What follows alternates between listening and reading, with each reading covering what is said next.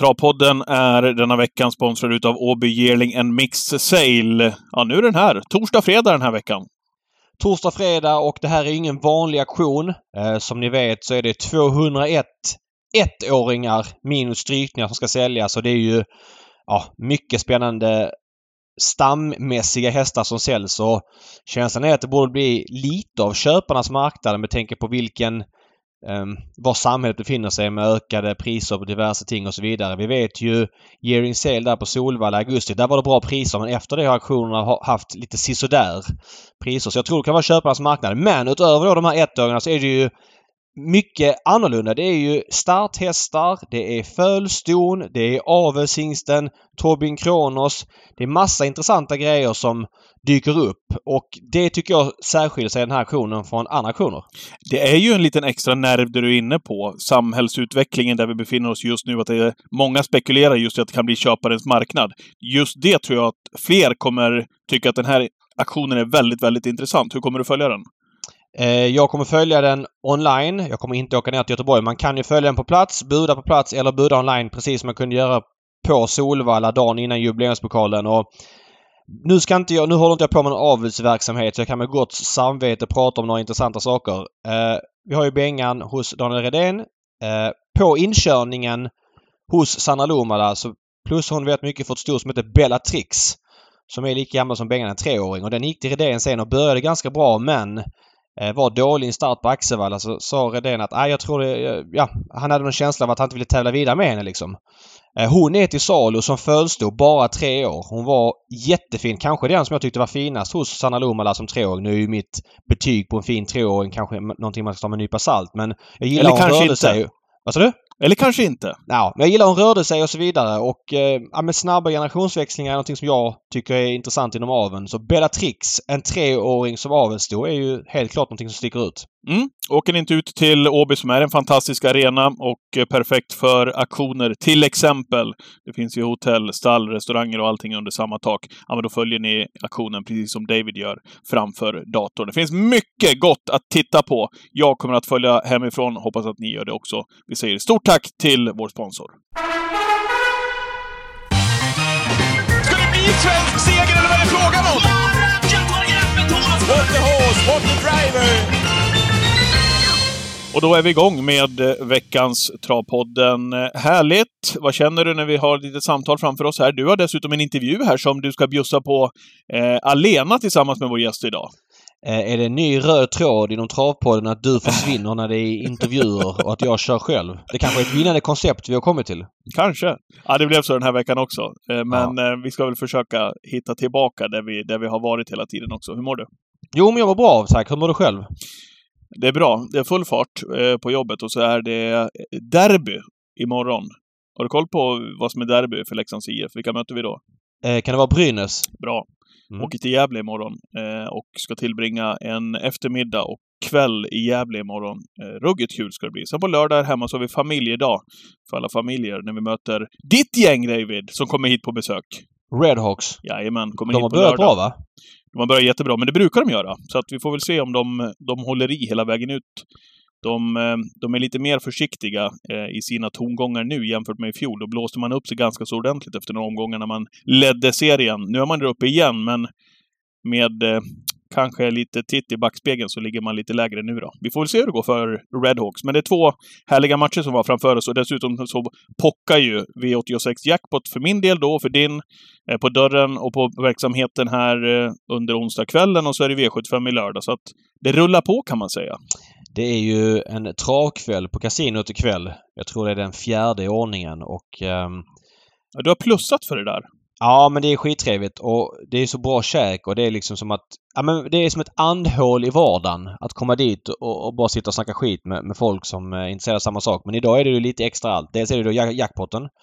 Nu är det många som lyssnar på det här när, när travkvällen har varit. Men det är travkvällar varje onsdag hela hösten.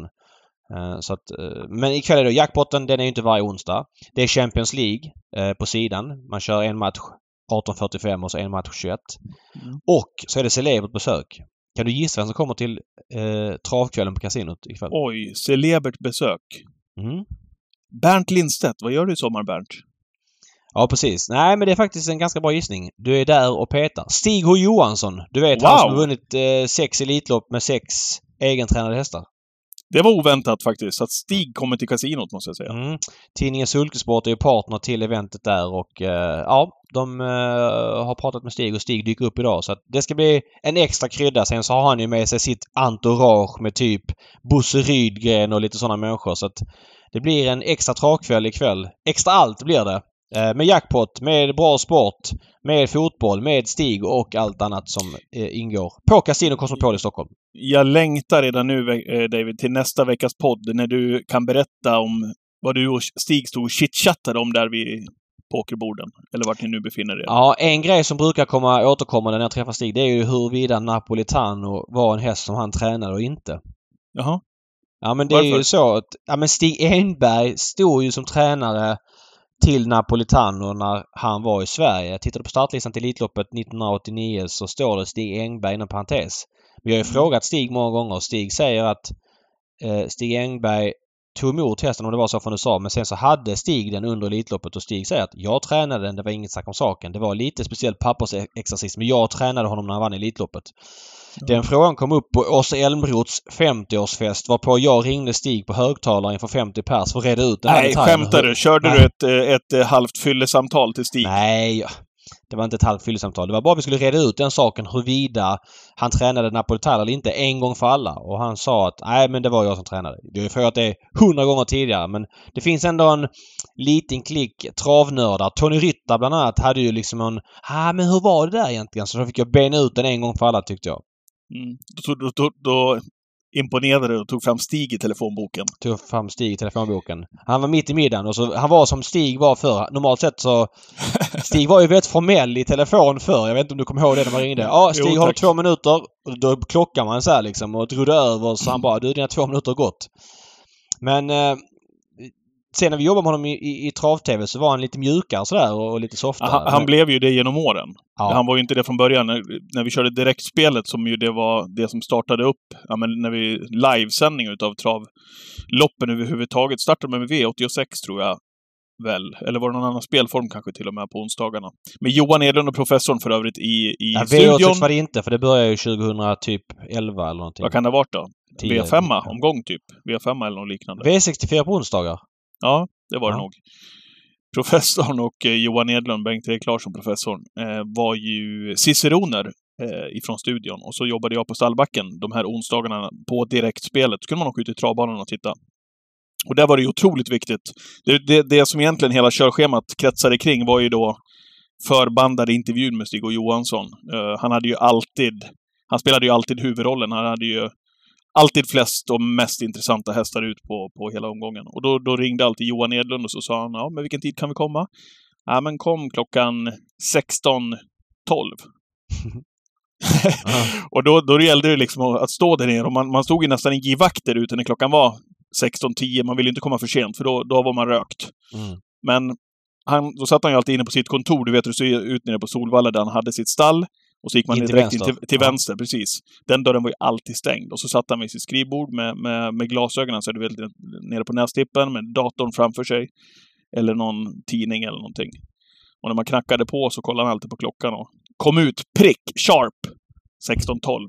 Då visste man att nu, nu, nu är det bäst att man är förberedd. och så får man rassla igenom de där frågorna ganska så fort så att Stig kan gå in på kontoret igen. Men det var ju det var som en liten helig stund där man ville ju inte komma för sent och man ville inte skämma ut sig när man kom, när man ville vara väl förberedd. Och, och då, var, då var det inte läge att ha Johan Svedbrink som fotograf. Eh, som skulle testa ljuset och skärpan och allting. Alltså, eh, för er som inte... Det blev väldigt internt det här men... Men vi ibland skulle säga man- också att Svedbrink var ju, var ju otroligt, ehm, otroligt noggrann. Alltså Jo, jo, det, det proffsig, är bra. skicklig. Ja. Men så här, när man gör viss typ av TV, när man gör typ saker som är mer innehåll än form, typ en intervju med Stig Johansson. Det måste inte vara perfekt med ljuset. Eller Nej, det, det, det, om du det ser mer- på Tunnelbanan på kanal 5. Det måste inte vara... Det får vara lite skakigt. Det är lite reality-känsla. Det är den grejen som måste åt. Att ha en fotograf som inte är med i det samspelet, som inte fattar att Stig är stressad, som börjar hålla på med Ja men kan du stå lite så? Ja men vänta lite och så ska sätta igång kameran och så vidare. Alltså varje sekund känns som minut och man blir svettig inombords. Och jag, ja. jag, jag, jag mår illa bara jag tänker på det. Johan Svedbrink, grym fotograf. Men att ha någon som inte förstår det samspelet utan man vill ha en fotograf. Ja vi kör direkt liksom. Typ som att trycka på rec. Eller ha kameran igång redan när Stig kommer ut så man kan köra direkt. Det, det sa jag alltid till Svedbrink och till de övriga fotograferna också. Ha grejerna igång så att direkt han kommer ställa sig framför kameran, då kör vi igång tipsintervjun. Och precis som du säger, det, det var innehållet som var viktigare än, än, än ljuset de där, Mm. de där gångerna. Jag körde för övrigt, jag vet inte om jag har dragit det i podden tidigare, men jag körde en intervju med Reijo Liljendahl. Ja, den har du ibland- kört. Men kör den igen. Det är inte alla som har lyssnat på alla stories. körde en intervju med första mannen, Reijo Liljendahl. Han var ju det i många, många år åt Stig som ni vet. Och eh, när Stig då inte kunde, eller han var ute och värmde någon kvalhäst eller liknande, så ställde ju alltid Reijo upp mangrant på de här intervjuerna. Eh, och jag tror att Stig hade varit på något tränarmöte eller något liknande uppe vid eh, inskrivningen, så när jag står utanför eh, en bit upp då, för Svedbrink skulle inte stå mot någon vägg, mot stallväggen, utan en bit upp där på stallplan, så vi stod ungefär ja, men mittemellan inskrivningen på Solvalla och Stig och Johanssons stall. Och så står jag precis och ska köra igång intervjun med Reijo och Svedbrink håller på och ställer in och jag känner väl liksom att, ja men kom igen nu, vi måste köra igång intervjun. Då, då ser jag Stig gå i ögonvrån komma gående. Och då när det är lite dåligt ljus ute, då har fotografen ofta med en, eh, eller hade i alla fall, jag vet inte om man har det nu, men men då har En man med sig skärm. en skärm som man kan Ja. fälla ut. Och står då en annan människa då intill intervjuoffret och fäller ut den här skärmen som är som en stor cirkel, så ska man liksom vinkla så att ljuset blir bra i ansiktet på den man intervjuar. Mm. Och vi, vi kom ju aldrig igång med den här intervjun med Reijo, men så kommer ju Stig och, och Johan Svedbrink som är fotograf eh, är ju ovetande om att det är Stig som kommer gående ner mot sitt stall och så ska jag precis köra igång. Då säger han Du, du! Hörru du! ropar han på Stig. Ja, säger Stig, du vet. Skulle du kunna stanna till här lite grann och eh, hålla i den här skärmen lite grann så att Reijo får lite, får lite eh, skönt, eh, skönt ljus i ansiktet? Stig bara, nej, skulle inte tro det. och så går han vidare. Jag bara, nej, vad fan, vad är det som sker här alltså? Vad, vad kände du då? Vad kände Nej, du det, var då? ju, det var ju hemsk känsla alltså. Och Ja. det, just det, du vet, man ser Stig komma och jag ser, jag ser några sekunder innan vad det är som är på väg att, på väg att hända. Och Stig bara kollar på Johan. Nej, jag skulle inte tro det. Men eh, han bara garvade då. Reijo va? Reijo garvar ju. Ja. Jag, så var man lite nervös där. Man ville bara Ja. komma igång med intervjun. Men, Ja. ja, men härligt ändå. Sen mjuknade han ju genom åren och sen jobbade vi ihop många, många år i, i hytten faktiskt. Uppe i Mm. kommentatorshytten jag och Stig. Härliga år. Ja, verkligen. Mm. Eh, st- det var också intressant. Alla andra var tekniktest eh, så här. Om sändningen började två så var det tekniktest eh, 12.00. Ja. Mm. Men Stig kom upp 10 minuter i två. Eh, och så alltid när han kom upp och satte hytten sa jag, Hej Stig, välkommen! Ja, tack, tack! Och på topphumör och allting. Och han behövde ju inte vara på tekniktestet för han hade sina hästar till start och, och liksom Nej, det, det och har ingenting med att han hade sina hästar till start. Jag frågade ju Lill-Per om det där, Lill-Per Karlsson, som var Ja. redaktionschef. Du, Stig då? Han, han behöver inte komma till mötet. Nej, vad fan! Låt han, låt han skita i dem liksom. Han, han kommer upp sen. Ja. Det, var, det var den enda som hade frisedel på, på tekniktesten. Det hade, Men det inte kunde han Thomas väl få ha? Det hade inte Thomas Nilsson, han var expert innan. Han, han var på plats i god tid, hade åsikter om allting. Ja, Eh, man kan sakna vi- de, de tv-åren där faktiskt. Kan ta det i ett annat avsnitt, ja. Ja. Ja, det är härligt. Mm. Eh, V75 i lördags landade in ifrån Ske- eh, Skellefteå och innan det var klart så var det 448 000 kronor på, på sju rätt efter att Fabulous Pellini satte ett punkt för V75-omgången uppe i Skellefteå. Eh, ja, vad känner du rent generellt kring omgången och Skellefteå? Ja men skitkul omgång överlag. Eh, ja men alltså eh, under förutsättning att hästarna inte mår dåligt. Skellefteå verkar ha lite sisådär bana. Den var ju lös och alla gnällde på den. Men FAN, vad det är kul tycker jag att spela på. Jag tycker att det gör en dimension till. Alla omgångar kan inte ha sådana här banor men, och absolut inte när det är stortrav. Men när det är så här Norrlandstrav på hösten tycker jag det bara är en faktor som gör det intressanta. Det är typ som regn eller att banorna inte blir optimala. Under förutsättning att hästarna inte skadar eller tar skada av det. Mm. Och det var ett par hästar som inte trivdes och känslan var att det var mycket galopp överlag. Så att det tyckte jag var en krydda för hela tävlingsdagen. Sen är ju det här innerspåret med open stretch. Visst, nu vann ingen därifrån den här tävlingsdagen. Men det är ju ändå en faktor som gör att loppen lever längre. Eh, Alla banor kan ju inte ha det men det finns ju ett par gråa banor som hade mått bra av att piffas upp lite grann. Och på Skellefteå lever loppen längre och Tyvärr har man bara V75 en lördag om året.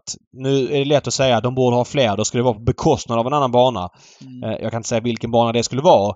Men jag bara säger att det är tråkigt att de har en upplyst dag. Det är klart de har något så här stortrav på, på midnattstrav i juli och så vidare. Eller runt midsommar. Men det här är en höjdare i varje fall. eh, När de kör på, på hösten. Och extra bra är det när det ligger efter kriteriehelgen. För då kommer inte Redén och Nurmos med sina hästar. Som ofta står bra inne. Nu är det också så att Wäjersten och Berg. Wäjersten har ju blivit en topptränare sista åren och Berg är tillbaks i Sundsvall vilket gör att Redén och Nurmos och gänget som kommer från Valla kanske inte är lika dominanta som man var för tre, fyra år sedan. Eh, den här omgången. Eh, så att, eh, jag tycker att det var skitkul. Det var sådär klass på, på, på travet, på det sportsliga, men, men underhållningsmässigt fem getingar. Tror du att det var mysfaktor hemma hos mig, eh, David, efter att Missai vann första, som jag ju trodde hårt på. Mm. När Barolo Jean vann andra. Mm. När Stjärnblomster, som var spik på allt, vann tredje. Förresten, stängde du av TVn efter tre avdelningar? Nej, eh, det gjorde jag inte. Det intressanta där var ju att vi hade ju en eh, lång diskussion i Twitch-sändningen där vi först tog tre hästar i V753 men sen blev systemet för dyrt så vi var tvungna att banta. Och jag hade feeling för Grislodin GL och du trodde på Stjärnblomster och det slutade med att de i chatten också trodde lite på Grislodin. Lite. Var- Jag fick ju inte medhåll från någon i stort Nej, jag vet. Och han, han var ju också mindre spelare än Stjärnblomster ska, Stjärnblomster ska sägas. Och när loppet går iväg, eller den oåterkallade starten, och Stjärnblomster galopperar, då är loppet över. För då kommer ju Grislodin till spets och det är godnatt. Men Rickard Skoglund blev ursparkad av BV-Rune och tack och lov att det gick bra för det kunde se riktigt otäckt ut. Mm. Eh, skönt. Eh, och loppet blåses då av. Och då han Mats Djuse sätta på Boots på Stjärnblomster Ja. som gick som en klocka den giltiga starten. Fick ta över ledningen från Pydin och ah, han kommer aldrig upp i någon riktig... Vad ska jag säga? Nej. Nej, gjorde riktig segerfara, Grislodin GL. Nej. Sen är också känslan att han missgynnades av omstarten ganska mycket. Han hängde väl lite töm ser det ut som. Eh, Var inte helt körbar i varje fall under loppets gång. Nej, så var det ju. Jag hade, där hade man ju Max klaff såklart. Med Ja. Blomster är ju borta i, i, i den där första starten. Mm. Men Stjärnblomster står som segrare i V75 Ja, ja, tredje nej. avdelning och jag mådde bra där efter, efter det, det loppet. Hon behöver inte skämmas för insatsen heller, David, när hon fick på sig bootsen. Eh, Ljuse visste precis eh, i, hur han skulle kunna köra, hur, hur, hur mycket han kunde maxa Stjärnblomster de första 300-400 meterna. Ja. Eh, nu också med, med den där galoppen i bakhuvudet givetvis. Och så kom ju Grisla Oden GL, men det var ju, hon behöver inte skämmas för den där insatsen. Hon var ju riktigt, riktigt bra när hon gick undan. Där har ju Mats Ljus också pratat lite grann om hennes psyke, att det har ja, men blivit bättre ändå. Mm. Eh, och det är klart, du håller inte ifrån dig Grisla Oden GL och Pydin på stretchen om du inte har psyket sista 300. Det var stark insats. 20 och 2 full, eller över kortdistans på Ja, den där banan som inte var det. Det var, inget, det var inget snack om saken. Hon eh, var bäst. Ja, man mådde bra där ju. Efter, Ja, efter så- att norsken så- fick vinna första där också. Jag sa ju det. Missai där. Jättebra ju för I Can Steel. Som så många gånger blir man illamående på V75. Och var blev du illamående den här rundan? Att du spikade Laredo Boko som det var 70% galopprisk på ifrån stallet. Jag har varit helt paff när jag kollade på Var gjorde på jag det? Är System. du inte klok? På något, jo, på något utav dina systrar. Jag gjorde det på ett system på mitt, där jag spelar snävt, där jag spelar med stor risk ah, okej. och chans. Så, så spikade jag Laredo Boko på det systemet. Ja, jag bara. fattar. Mhm. Ja, nej, nej, det var ju såklart kallt. eh, Så är det ju. Men jag visste att det fanns en galopprisk. Men ja, nu, nu var det som Ja. det var. Men jag, jag undrar vad du mådde dåligt För du sitter här och bröstar upp dig om att du hade världens bästa lapp eller efter tre avdelningar. Men du fick Ja, inte ihop det. Så då undrar jag, var klev du av? kort. Ja, men jag, gick, jag klev ju av där det smällde, som alla andra, höll jag på att säga. På Leave Your Socks On. Spikade ju väck till 80%. Och där var väl du och jag helt överens med våran chatt och, och Twitchen där att det fanns ju ingenting som talade emot Reed Lilla. Jag hade fått eh, rapporter från Oskar där på förmiddagen. Han var ruggigt tillfreds med hästen, vart han befann sig någonstans i, på formkurvan. 1640 meter, det var givet spets, han galopperar aldrig, inom citationstecken, att han skulle ta stryk i det där loppet. Det fanns inte i min bok. Även om han gled upp till 80 procent. Och det där pratar ju du och jag om ofta. Du brukar ju säga det. Är de 80 procent, Jag kan inte spika. Det är Ja men då, ofta... då ska det vara liksom Järvsöfax-grejer och så vidare. Men, Mm. men det som var intressant den här omgången det var ju att det fanns så många öppna lopp. Jag tyckte V753 var jätteöppet. Jag tyckte V751 var jätteöppet. Jag tyckte V75 eh, 6 och 7 var ganska, ganska öppna. Alltså jag kunde se det smälla i flera lopp. Mm. Eh, och där bakom var det, det är klart att Real Lavec kunde förlora men det var lite en eller alla känsla för jag hade inte feeling för någon konkret bakom. Nej. Men när det hissades upp att banan var som den var så började jag få feeling att han kunde lägga.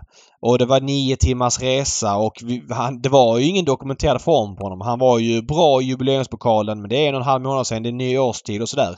Allting är lätt i efterhand. Vi tog beslutet innan att spika. Det blev fel.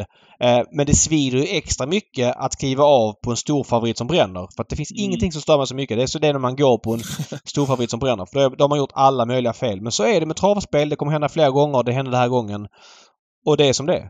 Ja, i övrigt då. Eh, får väl ändå säga också Roger Nilsson som har fått upp Barolo Jean, vad, vilken ordning han har fått på den hästen. Jag förstod ju på det jag har ju följt den här hästen lite grann via Stefan Hultman då, som väl köpte in hästen från början om jag inte missminner mig, va? Eh, Precis, och hade den även precis. ute hos Peter Nordman. Och sen eh, sålde av den och sen har det väl varit lite strul innan den hamnade hos Roger Nilsson med hästen. Som har fått ruggig stil på, på Barolo Jean. Han går alltså 12 och 7. Han har inte gjort så himla många starter den där pollen. Det känns som att det finns mycket att plocka av där, både balansmässigt och så vidare. Så att där har han gjort ett bra jobb, Roger Nilsson. Tycker han gör ofta bra jobb med de här hästarna som kommer upp till honom och får tävla i Norrlands konkurrens. Så är det. Och det var ett väldigt kraftfullt intryck han gav Barolo Jean. Eh, Mm. Alltså, han blev ju rolig i finalerna här i slutet på november. Han lär ju göra några starter innan. Lär ju dyka upp på Solänget eh, nästa lördag. Det är en och annan från den här omgången som dyker upp. Så är det. Jag får tacka dig David i V75s fjärde avdelning. Du vurmade hårt och mycket för Twigs Intense som vann. Mm. Ja, det är sånt som händer. Man, man, travet ger, travet tar. Eh, ja, men den hade gått bra gången innan och kändes lågt spelat i ett eh, öppet lopp. Eh, och sen så Väck var ju sådär från ledningen. Eh, Livius Oxon. Och sen så blev det dött lopp mellan far och son. Det kan inte ha hänt jättemånga gånger inom travet. Måste vara unikt va? Nej, jag tror det har hänt någon gång tidigare. Pu och Ju borde ha haft dött lopp och sen så Kanske. har jag, jag för mig att vi har snackat om det här tidigare och att vi kom fram till att det har hänt. Men det händer inte jätteofta i varje fall. Eh, LL Royal fortsätter storma fram på V75. Kanske lite sämre än veckan innan då han spurtade jättebra i finalerna som Santos de Castella vann men ändå klart bra. Mhm. Testade Cavallo, var bra från ryggledaren också. Eh, det loppet blev ganska ihåligt men eh, ja, död löpning sen V77 där var bara Fabius Pellini för bra. Så att, ja, Mm. det var så man kan sammanfatta V75-omgången. En Trevlig lördag på Skellefteå. Eh, ganska jämna lopp. Mycket, mycket rolig dramatik och hög utdelning. Kan jag förvänta mig nu, om jag lutar mig tillbaka, i och med att jag inte har lyssnat på den här intervjun, jag gör ju det samtidigt nu som, som lyssnarna här får ut den här till sig också. Kan jag förvänta mig lite gammalt surr om Zenit Guy och Darius, eller vart landar ni någonstans med Claes Svensson som är veckans gäst? Vi nämner även Origo Giant så du behöver Ja, inte oroa dig. Icke att förglömma. Men sen har ju Claes två, eller en intressant häst på V75 men även en kraftigt uppanmäld i Golden Guard i SM som man undrar lite grann varför han går ut där och lite annat. Ja, det fanns mycket kul att snacka med Claes Svensson om.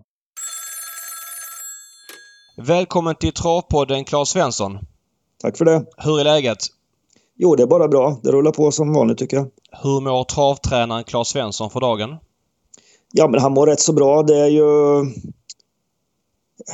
Jag har jobbat på ett tag i, i gamet och eh, jag har en bra organisation som jag tycker fungerar. Så att eh, det rullar på helt enkelt.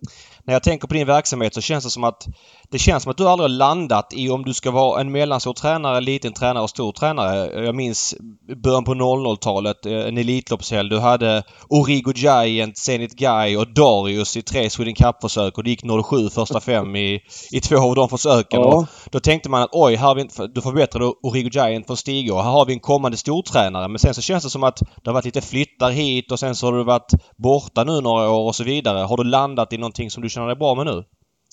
ja, men jag tycker det. Jag har en... Eh, jag får väl ändå kalla mig småtränare eller möjligtvis eh, upp mot mellan, mellanstor tränare. Men vi ligger för dagen på 25 hästar i träning och det är en nivå som passar mig bra. Jag har två jätteduktiga tjejer som jobbar ihop med mig och jag vill inte ha fler. Jag har provat och jag har haft eh, över 100 hästar i träning också. I, då som du pratade om början på 00-talet där så var vi väldigt stora och hade verksamheter på massa olika ställen. Men nu har jag landat här i, i, på den här gården där vi har bott nu i, i snart åtta år och eh, jag, jag vill inte ha större verksamhet. Den här passar mig bra. Eh, tittar man på din, dina hästar, du sa 25 hästar eller 26 hästar på listan. Av dem är alltså, ska vi säga, 1, 2, 3, 4, 5, 6, 7, 8 är 4 eller äldre. Det betyder att du har 18 hästar som är två eller tre år. Är det en demografi du är nöjd med? Ja, men det har varit så på slutet. Jag har fått in mycket ettåringar för inkörning och uh, uppträning och uh, det har gjort att uh, det har varit ett väldigt överslag mot unghästar. Ett, två, tre år och sen inte så många starthästar vilket gör att man inte syns så mycket utåt. Nu har jag haft några som har kunnat tävla på V75 kontinuerligt och då har man syns lite mer igen. Men är, är, har du nischat dig så att du kör in hästar åt andra tränare också eller har det bara blivit så? Det är inte så mycket åt andra tränare, lite grann åt amatörer runt omkring här och sen har jag haft eh, hästägare som har satsat på unghästar de senaste åren vilket har gjort att jag, jag har haft 10-15 ettåringar per år och sen har de fallit ifrån efter att de inte visat att de riktigt räcker till och så landar vi i att eh, det, kanske är en kull på en 7-8, 2-3-åringar kvar. Fattar. Hur ser du på sista åren? För det känns som du har haft några mellanår. Du hade ju ganska bra framgångar för ett par år sedan. Sen till exempel förra året då du körde in under en miljon. Vad, vad hände då? Ja, det var första året på väldigt, väldigt många år som vi inte passerade en miljon och det var lite snöpligt. Det var 990 000 och, och eh, eh, det, är lite, det är lite en gräns där som man gärna vill passera. Nu har det ju gått bättre i år. Eh, jag kan inte egentligen säga. Ja, en av anledningarna är naturligtvis att eh, King of Everything har kommit igång och startat igen som eh, hade ett break på nästan två år och eh, det hjälper ju till. Golden Guard har ju varit följeslagare på V75 som har gjort det bra men inte, inte vunnit något lopp på V7 än så länge i år. Så att de, de tjänar fina pengar och de som har startat har det gått bra helt enkelt. Så det var tillfälligheter som gjorde att det gick sämre förra året?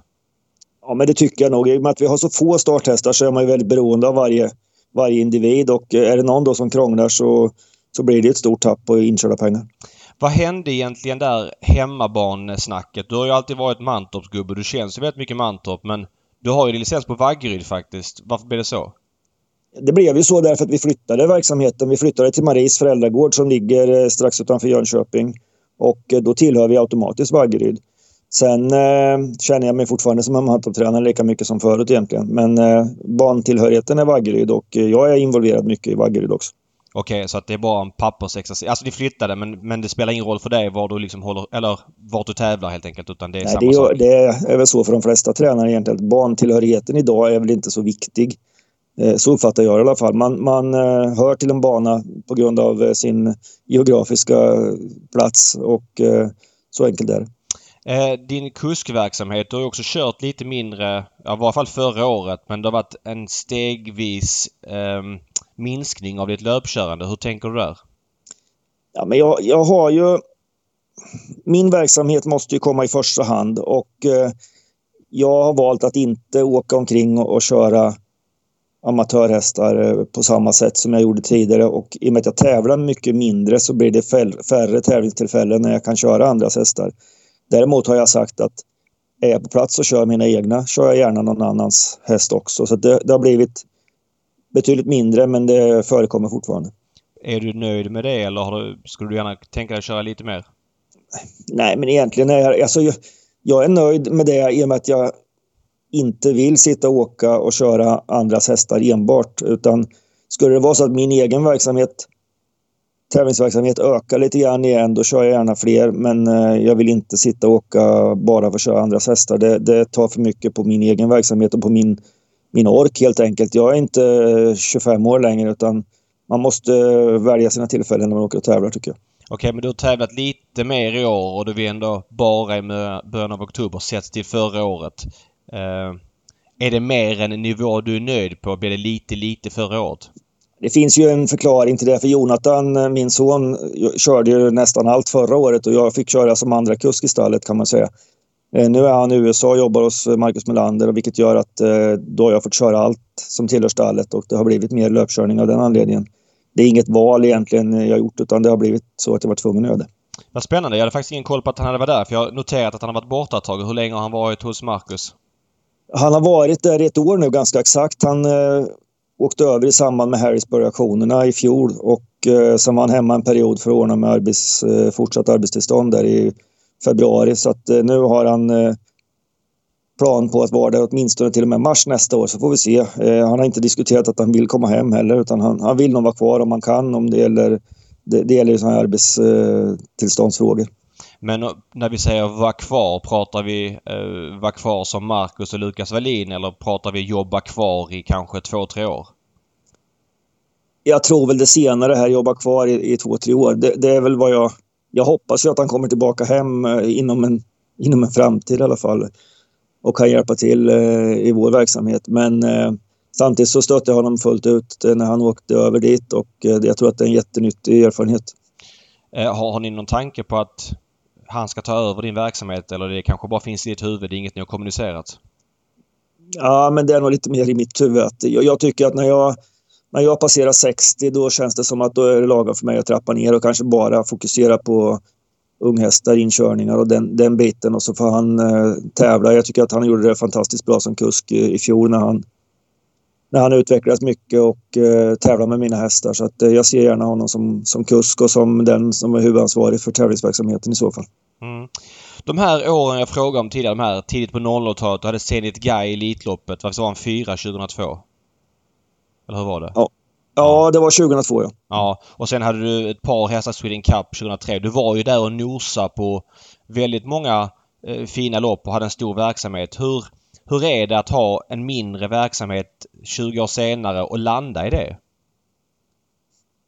Ja, men man får väl acceptera att, eh, att eh, det går framåt i utvecklingen och eh, jag hade väl min topp då tidigt 2000-tal. Vi hade över 100 hästar i träning. Det är klart att då syns man mer, man har bättre hästar automatiskt. Det är svårt att ha 20-25 hästar och ha bara topphästar. Det, det, funkar inte så och eh, jag är nöjd med de, de hästar jag har idag. Jag är nöjd med de framgångar de har. Eh, självklart så vinner inte jag lika mycket lopp och, och eh, kör inte lika mycket, kör inte lika bra som de som kör 1000 lopp, 1500 lopp per år. Det, det är också givet. Men eh, jag har accepterat den situationen som vi har och jag, jag, är nöjd ändå med att jag kan fortsätta jobba med det här eh, som jag tycker är jäkligt kul och gör det eh, Ja, jag gör det ändå hyggligt med de förutsättningar jag har tycker jag och så länge jag känner så så vill jag gärna fortsätta så här. Du var ju inte de kuskarna som körde ett tag i den här Joyride-sulken som Stig också hade. Vad hände med den sulken? Ja men den, den, den hade väl en estetiskt minus som gjorde att den, den eh, inte slog kan man väl säga. Trots att man då värvade Stig och, från början och, och eh, det var väldigt mycket marknadsföring kring sulken så slog den inte. Jag använde den därför att jag hade väldiga problem med min rygg i den perioden och det, det var faktiskt skonsamt för ryggen att sitta med benen under sig istället för att sitta med dem snett framåt. Vad menar du? Det var orsaken till att jag hade den men samtidigt så har den ju sina brister också. Ja, vad, vad tappar man som kusk? Jag tänker på sidostång och sånt där. Ja, dels det. det idag så är det inte så... Alltså det är mycket jänkarvagnar som inte har sidostång så att den, den eh, kanske inte är den viktigaste delen men du tappar lite i, i balans i sidled tycker jag och eh, man tappar i, i, kraft att hålla emot hästar som är väldigt starka. Då, då, har du mer kraft när du använder både ben och kropp att dra med. Här får du dra bara med överkroppen så att den hade brister men eh, den fungerar på, bra på vissa hästar och framförallt då skonsam mot ryggen. Okej, okay, okej. Okay. Men det är ingenting du saknar? Nej. Eh, jag ska prata om en av dina topphästar, King of Everything, som började väldigt bra som fyraåring och det var lite derbysnack och så vidare. Sen så fick han en skada. Vad hände med honom där? Eh, han fick sin skada i finalen till eh, Sprintmästaren. Han kvalade in som bäst rankade fyra och den halkade egentligen in i finalen på ett bananskal och uh, skulle inte ha startat där. För det, han, var liksom, han räckte inte i försöket riktigt. Han var okej okay i försöket som trea. Eller om han var fyra. Uh, och uh, i finalen så märkte man egentligen inte att han skadade sig men, men han fick en överansträngningsskada på ett gaffelband av att ha gått 11 blankt och 10 och 9 i två lopp där som fyraåring. Han var inte, han var inte peppad för det. Och det kände du inte inför finalen utan det märkte du senare? Ja, vi märkte det inte ens eh, direkt efter loppet utan det märktes senare att han vart svullen i ett ben och eh, när vi undersökte det så var det en, eh, en blödning på gaffelbandet. För han var ju väldigt lovande där i början på säsongen. Tog tre raka, vann bland annat på V75 Färjestad väldigt enkelt. Då kändes det som en derbyhäst och sen så Alltså matchade han för tufft eller eh, när du ser tillbaks på det eller vad, vad hände liksom? Ja men det är klart att man ångrar ju, man ångrar ju Sprintermästarloppen. Eh, det hade säkert eh, blivit bättre om vi stått över det och sen eh, eh startat på i V75 istället och, och, han har säkert blivit tjäna mer pengar på det sättet. Men eh, nu är det gjort, det gjort och, och, jag tycker ändå att han kommit tillbaka på ett bra sätt. Även om man inte har nått upp till den, eh, den nivån som jag hade hoppats och trott när han var fyra år. Så tycker jag ändå att han gör gedigna bra lopp och det är en fantastisk härlig häst att ha i träning. Liksom. Han är alltid positiv att träna och när man kör honom känns det ju som att eh, man har en superstjärna. Liksom. Sen kanske han inte riktigt är det, va? men för mig är han fortfarande en bra häst. Men visst har det kommit lite successivt? För jag, jag, känslan var ju där, skadad länge, eh, fick lite tuffa lopp innan skadan. Det var ju inte givet att han skulle komma tillbaka som han ändå har gjort. 10-6 här för tre starter sen på Örebro över kort distans på V75 och gör sig gällande i sin klass eh, fortfarande på ett bra sätt. Det måste man väl vara nöjd med? Ja, men jag, jag är jättenöjd med hans säsong så här långt. Eh, nu är han uppe i silver precis och eh, det känns som att det kan bli lite motigt. Jag har väl lite funderingar på att eh, göra ett break nu och eh, träna på ett par månader och sen kanske börja starta istället. Antingen i, i vintern eller tidigt på säsongen, nästa säsong. Han funkar ju bra med skor också den här och eh, det kanske är enklare för honom att matchas när de bästa inte är ute. Så att, eh, vi får se lite hur jag lägger upp det. Men han har inte gjort sitt på banan än, det tycker jag inte. Nej, och när tar du ett sånt beslut? För nu är det ju början på oktober här och... Ja, han ska till veterinären imorgon så att eh, efter det så tar vi beslut hur, hur jag ska lägga upp det. Jag gissar att han... Jag tror inte att han har någon skada, eh, något som rör hans gamla skada på något sätt, utan han kan vara lite sliten av flitigt tävlande i år och kanske behöver en liten pust och då passar det bättre att vi tränar nu och sen börjar starta i januari kanske istället. Mm, för att han var ju som du säger väldigt bra. Han vann ju då Färjestadstarten. Var ju med skor. Eh, och även ja, finalerna precis. gången efter på Solvalla. Så att han har ju som du säger gått bra med skor. Så det måste bli han, har mycket vara... han har mycket bättre statistik med skor än utan faktiskt. Trots ah, det okay. så kör vi utan varje gång. Men så där är det. det man, man får för sig en sak. Jag tror ändå att han... De här 10 och 3 och 10 och 6 som han har gått två lopp i år, de hade han kanske inte gjort med skor. Nej okej. Okay. Va, men varför har det blivit så att du har kört så mycket barfota om du tycker att han funkar nästan lika bra med skor? Ja, ja, men man, man, man tror ju, jag tror faktiskt fortfarande att han är bättre med skor, men statistiken talar sitt tydliga språk. Han har 6 av 12 med skor och han har väl eh, vad kan det vara, 6 av 30 eh, kanske utan skor. Mm, fast han har också mött mycket tuffa hästar utan ja, skor. Ja, absolut. Så är det ju. Så att, jag säger inte att han är bättre, men konkurrensen är oftast sämre också när eh, man får tävla med skor. Så att, det kan jag med det göra. Ja, men så är det. Funkar man med skor i den klassen han är i så måste ju V7 på vintern vara drömmen liksom. Ja, ja. Ehm, jag tänkte vi skulle prata lite om dina V75-hästar till helgen. Eh, det är SM-dagen på Åby. Vad tycker du om SM-dagen generellt sett?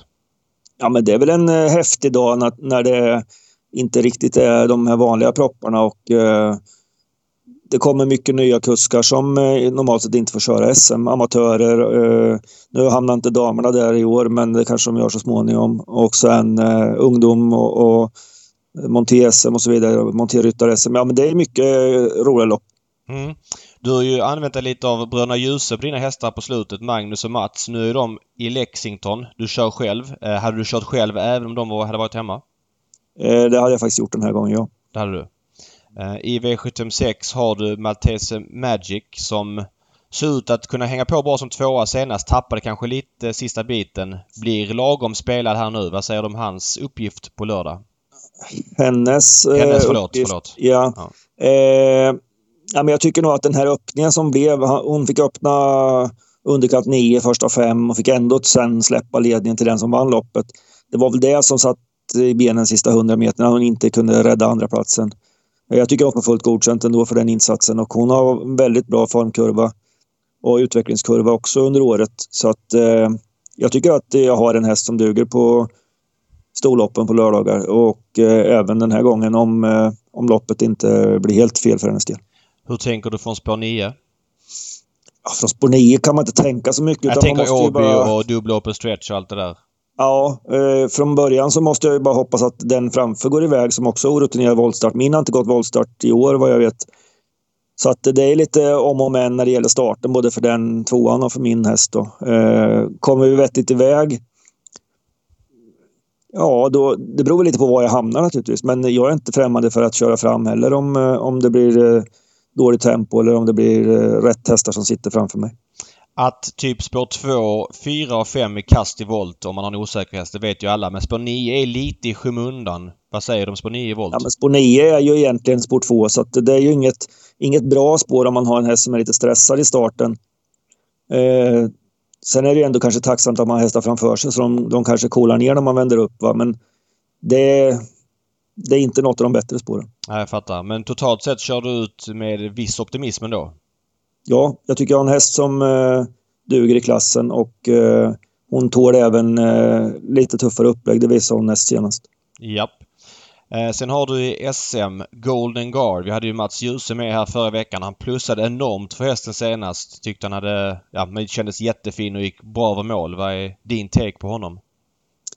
Ja, men han har eh, jättefin form, absolut. Eh, Mats eh, gjorde ett felval i loppet och, och gick ut i, i, rygg på en häst som eh, precis eh, i det läget började tröttna och eh, han var dragen till sista häst och sen spurtade han bra och gjorde ett fint lopp. Så det är inget tvekan om att hästen är i full form. Men eh, han möter hästar som är alldeles för bra tycker jag. Så att eh, han har inte någon vinstchans. Hur tänkte du när du valde SM? Han har ju som sagt 1,3 miljoner på sig och står bra in i silver. Nu är det ju inte silver den här veckan, men hur tänkte du? Nej, jag tänkte väl inte så mycket. Det var ägaren som valde loppet och eh, jag hade väl egentligen hittat ett bättre lopp åt honom, tycker jag. Eh, sen kan jag köpa att eh Eh, man kan prova eh, när det är 500 000 kan man prova och starta för att det finns fina pengar bakom, bakom vinnaren.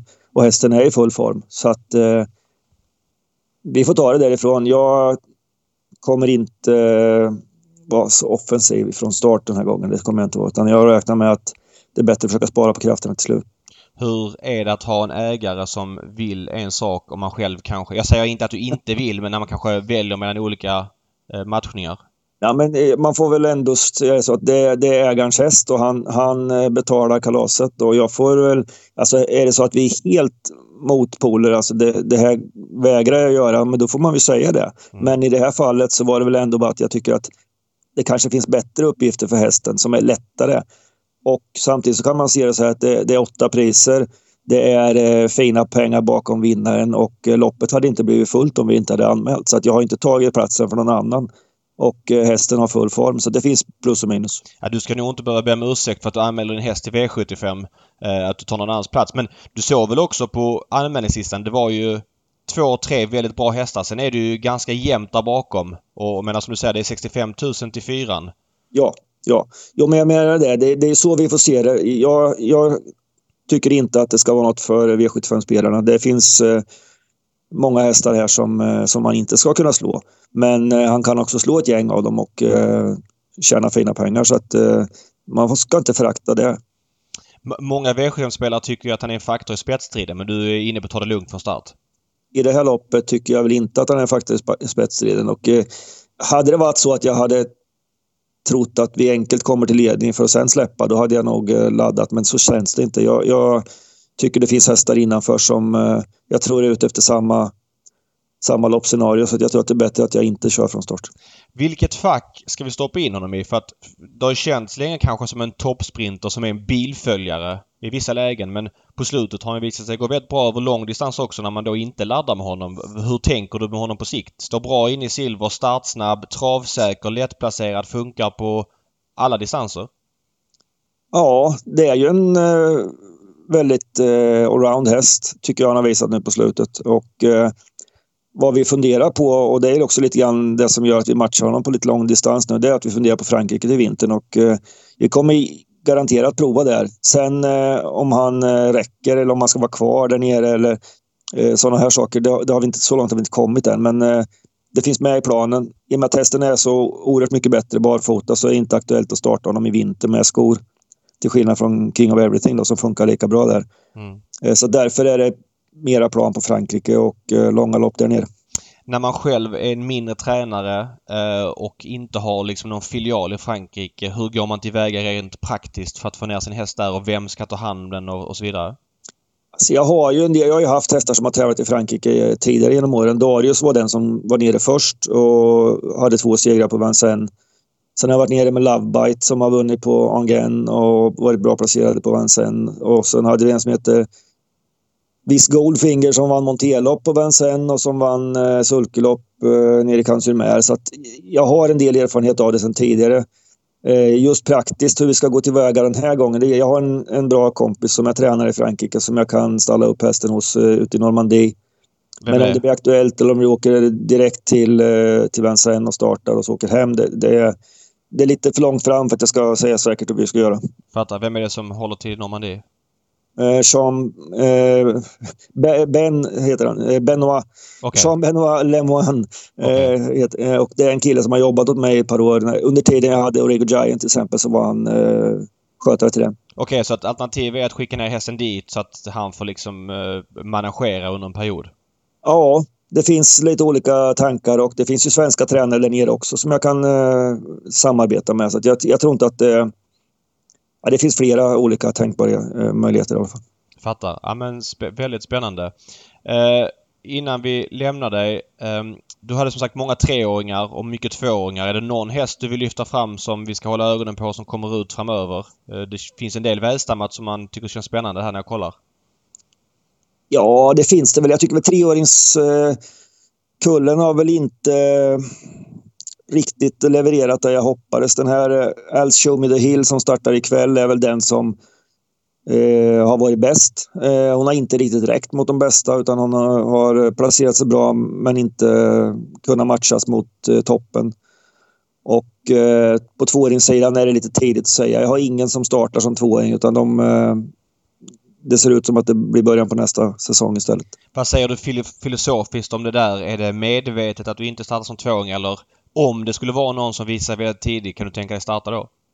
Ja, absolut. Jag har startat, eh, jag startade tvååringar förra året och jag har startat tvååringar eh, lite grann eh, genom året men aldrig matchat dem mot de stora loppen. Det är väl för att jag inte har haft hästar som jag tycker passar där utan de har gått ut i lite vanliga lopp för att få rutin och lite eh, ja, eh, känna på det lite grann innan de ska starta som treåringar. Men eh, som sagt, det, det är inget som jag är emot på något sätt. Nej, jag fattar. Utan funkar det så funkar det helt enkelt. Ja.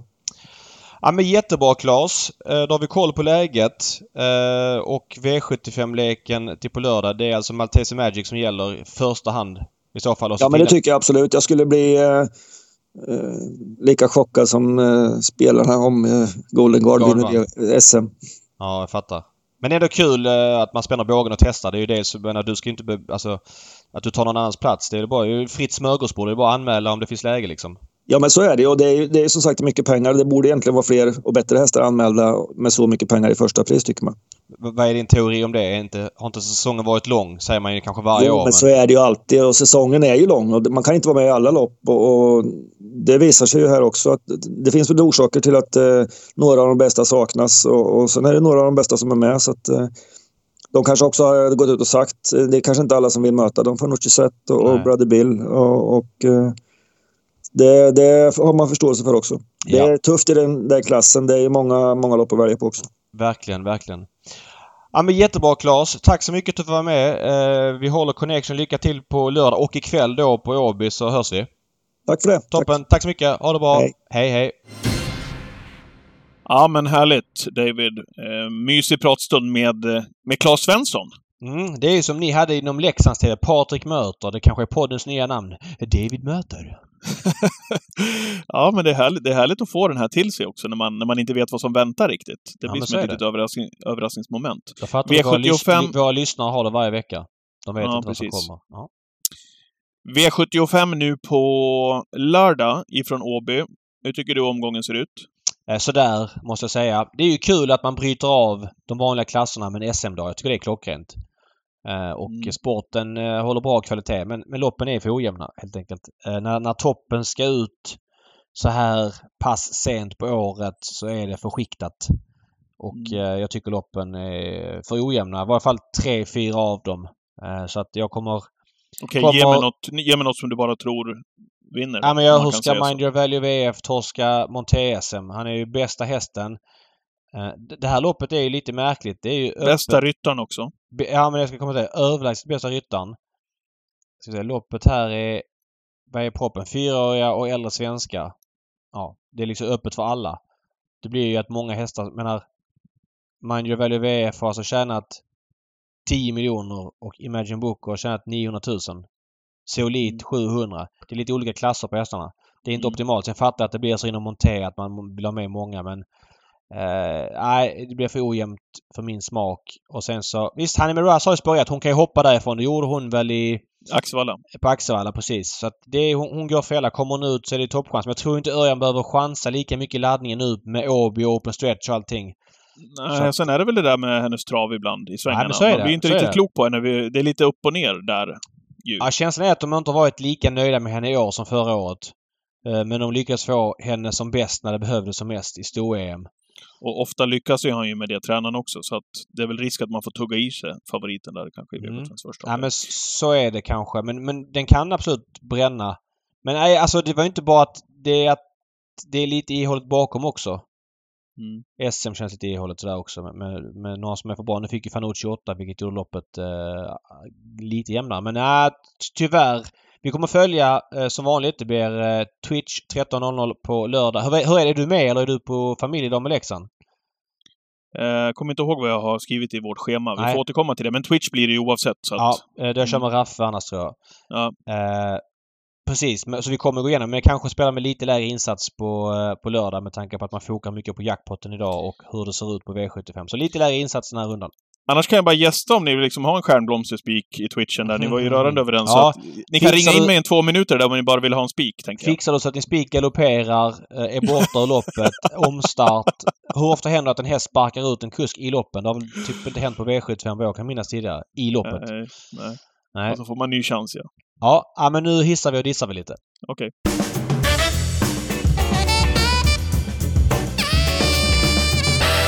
Ja, då börjar jag då. Ja, vi ska ju lämna med en bra känsla så vi börjar dissa. Jag messade dig i, när listorna var klara i, i söndags till Åby. Mm, gjorde Fick ingen, jag fick ingen riktigt medhåll. Ska se vad jag Nej. skrev. Jag ska se vad jag skrev här. Nej, jag fattar inte hur du kan vara förvånad. Så kände jag lite grann. Jaha, det är mer den, den, den vinkeln du tar. Men kör. Säg vad du skrev. Eh, Jag letar upp smset här. Sämsta SM någonsin? Frågetecken. Vad svarar jag? Ihåligt yes, men ändå bra hästar. Bredden, skrev jag. Komma med på 400-700 poäng. Alltså vi snackar SM, David. Nu vet du hur usel jag är på, på historia och komma ihåg och hela den här biten. Pinto Bob, Island Life, Oracle Tile, Golden Guard, A Good Point, Bose, Holy Water. Ja men okej, att det, det, det ska väl vara, ja men det ska väl vara några Ja, men det, det är klart att det är bra hästar, flera utav de här, men det ska väl vara en större bredd ändå? Ska det inte det, David, på SM? Eller Det- brukar det vara så här uselt? Nej, det brukar det inte vara. Sen så ska vi säga att Don Fanucci, Sveriges bästa äldre häst 2022, är ju med i loppet. Så att det är klart Men att... det är klart att, han, det lockar någon med en halv att, att han är med är bra. Och sen har vi ju formtoppade Brother Bill som också är med. Så det är inte så att det är en walk-over för Don Fanucci. Eh, utöver det är Oscar Ella och Unico Bruna med. Så att de fyra är bra, men där är ju tre silverdivisioner med. Och det var ju bara 12 anmälda som Klasse Svensson sa här precis. Han sa ju att ja, jag anmälde min häst eh, och jag tog ingens plats. Nej, Det Nej, var bra det är ju fritt, det är ju fritt fram. Men jag undrar, vinner de här silverdivisionen de jag räknar upp? Ja, det gör de. Okej. Mm. De kan vinna silverdivisionen. I varje fall Golden Guard och Bourse kan definitivt vinna silverdivisionen. Men, men det är klart att loppet är ihåligt. Men det var kanske inte så här ihåligt. Slutet på säsongen, det blir slumpa sig lite så med att eh, STL Open gick för två veckor sedan och så vidare. Det, det är som det är liksom. Jag, jag har svårt att bli upprörd när... Nej, Det jag är finns- inte heller upprörd. Jag bara Nej, jag tänker vet. att vi har sett bättre SM-upplagor, betydligt Ja, bättre än den här är som det. vi har nu. Så är det. Men när tre, fyra hästar är för bra så blir det så här ihåligt. Och det får vi leva med den här gången. Det Mm. kommer ändå bli lite fight om vem som vinner. Fanucci är väl inte som bäst över långdistans. Han går, du han går inte på rakt ut. Nej, det får vi se vad procenten landar och så vidare. Han har startat tre gånger på långdistans. Försök, final till derbyt, två båda gångerna. Sen vann han i Örebro en gång. Ett 30 000 kronors lopp 2000. Det var ju alltså innan han blev sådär bra som han blev på Romme i starten efter. Så att tre gånger på långdistans. Känslan är att intrycksmässigt inte är ett plus i alla fall. Nej. Så att, eh, och men senast var det inte han som bäst heller.